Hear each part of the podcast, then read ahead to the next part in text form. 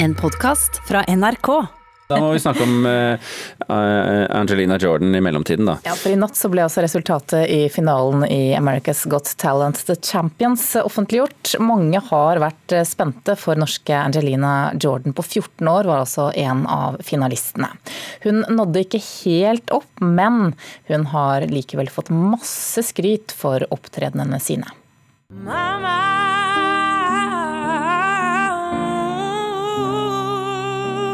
Dette er 14 år gamle Angelina Jordan. Hun sang Bohemian Rhapsody i America's Got Talent The Champions i januar. Det imponerte dommer Heidi Klum nok til at hun sendte henne rett videre til finalen. Og i natt var det duket for nettopp finale.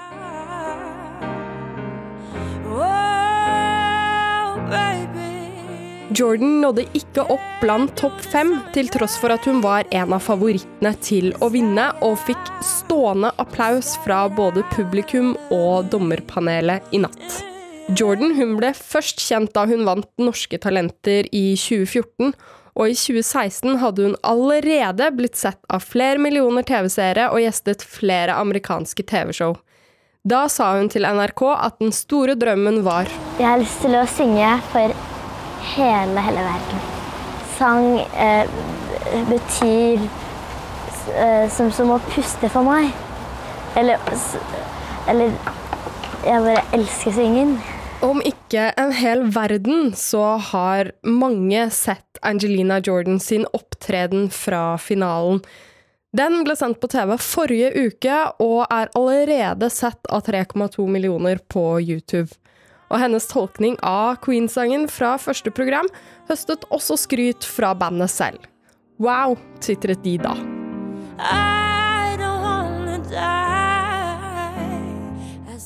Angelina Jordan skriver i en e-post til NRK at hun føler hun allerede har vunnet så mange hjerter over hele USA og hele verden. Dette har åpnet så mange fantastiske dører, skriver hun videre.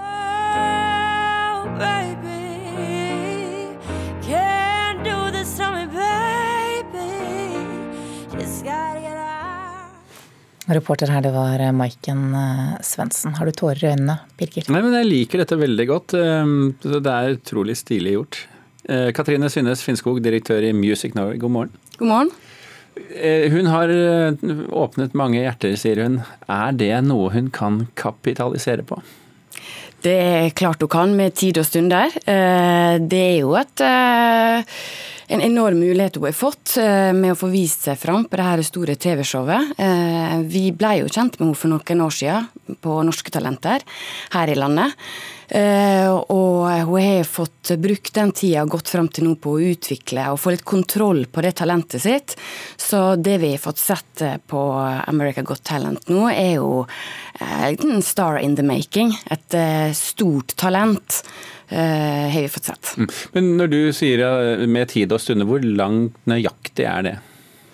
Eh, jeg håper at det skynder seg litt langsomt. Eh, hun, er, hun er jo ung, så det handler jo nå mye om å få liksom de riktige folka på plass. Få et fint team som lar hun få løp til å utvikle seg som artist.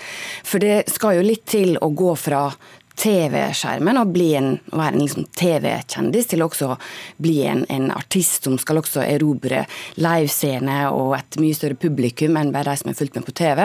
Så det er jo litt det det vil handle om i framtida. Men jeg syns de har eh, vært veldig flinke til nå, de som har jobba rundt henne. Jeg vet de har jobba knallhardt for å komme hit, så jeg, jeg, først og fremst syns jeg de skal være veldig, veldig stolte i dag. Og litt lett kanskje til og med, fordi at eh, nå får de ta denne tida litt til hjelp da, med å sette alt på plass rundt. Eh, jeg vet at eh, det skjer ting i kulissene, så teamet er i alle fall ikke bekymra for at det, det ikke skal gå hele veien. Mm. Du sier 'talent in the making'. Hva vil du si er det som kjennetegner henne mest spesielt? Nei, jeg har blitt eh, superimponert uh, over det jeg har sett eh, i, finale, i finalen nå i, i, på America Got Talent. jeg syns hun har fått en helt annen kontroll over det talentet sitt. Men Hva betyr det å få kontroll over talentet? Nei, Jeg syns hun har en særegenhet og en veldig personlig tolkning av Elton John og Queen-låten som hun har fått vist fram.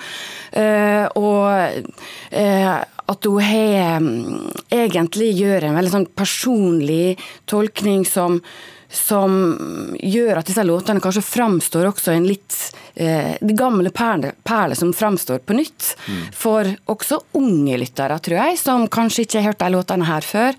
Eh, og det står det veldig stor respekt for. Mm.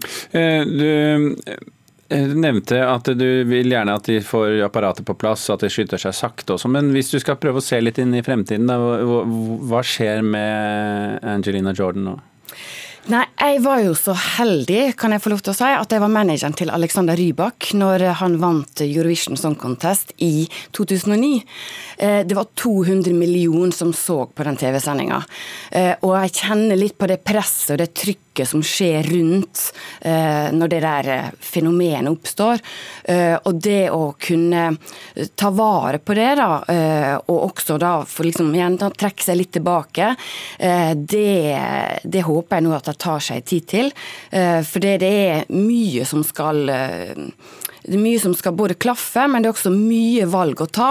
Eh, så ikke liksom hoppe på det aller første som skjer, men igjen finne de folka som vil det samme som deg, og også som ser det store talentet, og la det få utvikle seg, slik at hun kan bli, få bli den artisten som hun er.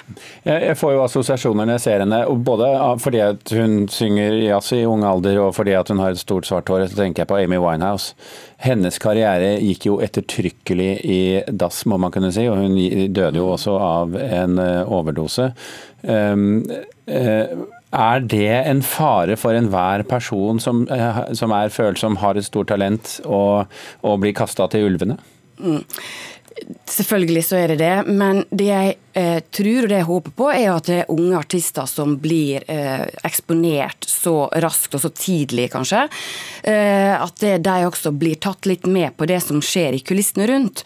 Fordi hvis du forstår mer av bransjen og mekanismene og hvem som skal gjøre hva for deg, så kan du også være med på å ta valg, og da være med på å ta kontroll over de som skal jobbe for deg. Eller du er arbeidsgiveren som artist, så det å vite litt og ha forventninger til hva folk rundt deg skal levere, eh, at du forstår det, og at du blir tatt med på det, eh, det tror jeg er lurt, og det tror jeg at eh, den gjengen her også skal sørge for. Men det er tungt ansvar, da?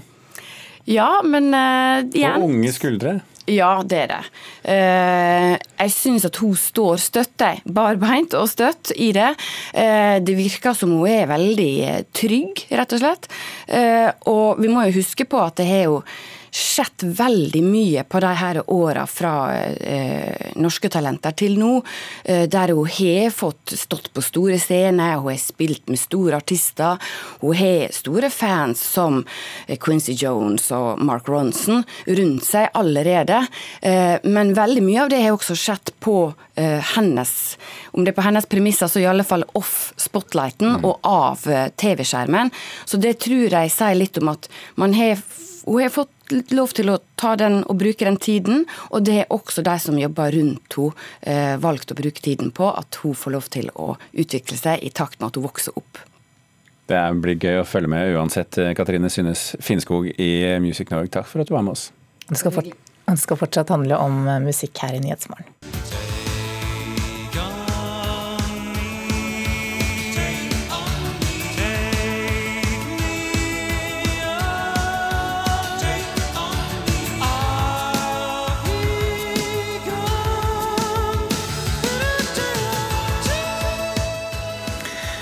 Hvis noen skulle være i tvil, dette er altså Take On Me med a-ha. Denne 80-tallshiten den har nå nådd enda en ny milepæl, kulturreporter Maiken Svendsen. Nå har musikkvideoen til Take On Me nemlig passert en milliard visninger på YouTube. Og på sin egen konto under denne videoen så ber a-ha nå fansen om å bli værende for en spesiell kunngjøring. Okay, og det er ikke helt uventet. At den passerer en milliard er ikke helt uventet. VG skriver at det var forventa at denne videoen kom til å passere en milliard nå i løpet av 2020. Og i september så skrev Los Angeles Times at eh, denne videoen den spilles omtrent 480 000 om dagen i gjennomsnitt. Samtidig da, så er jo en milliard visninger på YouTube det er et stykke unna rekorden. Rekord. På, på, dette nettstedet. Det er det, fordi rekorden på YouTube den er på 6,5, mer enn 6,5 milliarder views, og den er det Despacito med Louis Fonsi og Daddy Yankee som eh, har. Eh, men Take On Me det er den tredje sangen fra det 20. århundre som når denne milepælen, ifølge LA Times. Det er kun Nirvanas Smells Like Teen Spirit, Guns N' Roses med November Rain og Queens Bohemian Rhapsody som har passert en milliard visninger. Okay, vi må snakke litt om kunst også, det som kalles stueveggkitsch. Nå har kunsthistoriker Arne Lie Christensen kastet en brannfakkel, som det heter, i sin eh, nye bok. Hva er det han skriver? Han har sett nærmere på kunstverk som elg i solnedgang og en fisker. og Dette er jo da bilder mange kanskje har sett av en elg i skoglandskap foran et vann, eller en fisker med en pipe. Um, den retrokunsten blir ofte stemplet som eh, mindreverdig, men det mener Christensen er fordi kunstkjennere er arrogante og ser nedlatende på det vanlige folk liker. Eh, han sier til NRK at flere av disse bildene de kan uten tvil kalles kunst. Takk skal du ha, kulturreporter Maiken Svendsen. Og vi har jo fått kunstkritiker Mona Palle Bjerke her i studio. Vi kan spørre deg. Vår arrogante og nedlatende kunstkritiker. Er du enig med, med Christensen? Eh, nei, altså elg i solnedgang. Jeg uttaler meg i den saken som er på nrk.no. Ja. Elg i solnedgang har eh, livets rett, og, men det er enkelt å forstå. og Derfor så er det vært sett ned på. For det er jo alltid sånn at det som krever noe, det får også høyere status, kort fortalt. Okay. Det er ikke derfor du er her? Jo, det er for å snakke om noe som krever noe. ja, ja. Det er det. Ofte. Som kanskje også har høy status. Det vil vise seg i løpet av denne runden med kunstkritikk her i Nyhetsmorgen. Og da vil jeg at alle prøver å eh, lukke øynene, se for seg en eh, kvinnelig kunstner med magen på et brett, eller kanskje med en feiekost under puppene. Dette er i hvert fall eksempler på den finske kunstneren Lio Susirayas selvportretter, der hun eksponerer sin sterkt over overvektige kropp. Og det er særlig folk på Sørlandet som nå kan eh, se dette. Sørlands kunstmuseum har en større utstilling med hennes fotografier. Så Mona Balle Bjerke, arrogant og nedlatende som eh, vi kjenner deg. Her har vi på den ene siden dette overvektsprosjektet, og så er det ikke så lenge siden du var og snakket om anoreksi-selvportrettene til Lene Marie Fossen. Kan du gi oss en liten repetisjon på hvem hun er, og hva likhetstrekkene er mellom disse to? Ja, dette er jo to fotokunstnere som begge bruker sin egen kropp gjennom eh, selvportretter. Som gjennom eh, på en måte den liksom spektakulære kroppen eh, blir oppsiktsvekkende og vekker interesse. Og det skildrer utenforskap, og også kroppen som symptombærer og som trussel. Kroppen som en begrensning som gjør at du ikke passer inn i en norm. norm. Sosiraya tematiserer dette på en vond, men humoristisk måte eh, ved f.eks. å eh, vise oss da våre spesifikke forventninger til enkelte positurer, hvor hun f.eks. ligger da utspredt på en seng, en litt sånn typisk feminin positur, hvor vi, får, hvor vi, merker selv at vi forventer en, en slank, attraktiv kropp.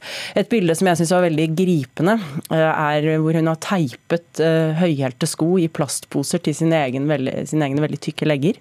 Hvor du da ser disse femininitetssymbolene, skjønnhetssymbolene, som en sånn skjønnhetsmal som man ikke kan klare å presse seg selv inn i. Da. Mm, og her er jo Lene Marie Fossen litt annerledes, selv om hun ja. også eksponerer sin, sin ekstremt anorektiske kropp. Ja, det er jo på en måte på den helt andre siden. Eh, det er jo en eh, ikke skjønt eller vakkert på noen måte, tvert imot liksom heslig og vondt å se på. Altså, det gjør vondt i øynene når du ser på disse bildene av hennes Hun er jo bare et skjelett med, med, hud på.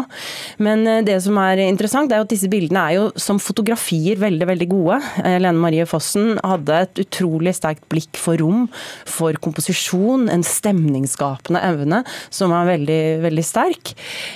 Men det er nok likevel da, sånn at det er denne dette veldig oppsiktsvekkende motivet, døden på en måte som eh, denne kroppen bærer på, som gjør at vi virkelig interesserer oss for det, og som gjør at det har fått så stor oppmerksomhet. Så det er nok fare for at Fossen, tross sin helt, helt åpenbare opp, eh, begavelse, ville forsvunnet inn i på en måte den grå massen av dyktige, men usynlige kunstnere. Mm. Men, men hvorfor får det så stor oppmerksomhet da, disse to?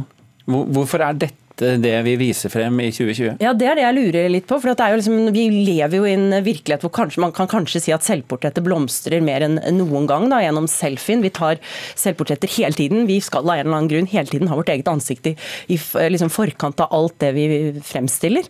Eh, og Det kunstneriske selvportrettet syns jeg det ser ut som må gripe til ekstremer for å liksom eh, vekke interesse. Når det gjelder Susiraya, da, sånn kvalitetsmessig, så har jeg jo alltid vært interessert i henne. Hun har jo holdt på siden 2007 med dette prosjektet. og Hver gang jeg har stoppet opp ved hennes bilder når jeg har sett en eller to av dem i en utstilling og tenkt åh, for et interessant prosjekt, for et viktig prosjekt. Men jeg må si at når jeg så samlet så mange bilder som det som er på Sørlandet kunstmuseum, så gikk jeg faktisk litt lei. Det ble litt sånn eh, navlebeskuende i ordets egentlige betydning. Eh, og det, det, jeg tenker er at i motsetning til Fossen, da, så har ikke hun et liksom, foto kamera, en sånn dyp kamerainteresse. og Hun skaper jo ikke bilder som er visuelt interessante som sådan. Hun er en konseptfotograf. og Da henger jo veldig mye på konseptet. Mm. Og Det jeg lurer litt på, er om hvis hun skal fortsette med akkurat det samme i veldig lang tid fremover, om konseptet hennes er sterkt nok til å bære prosjektet. Da. Ja. Her skal du få en liten utfordring til slutt, ja. Eh, som ikke er forberedt. Eh, så, så, vi får se om du liker meg etterpå også. Ja.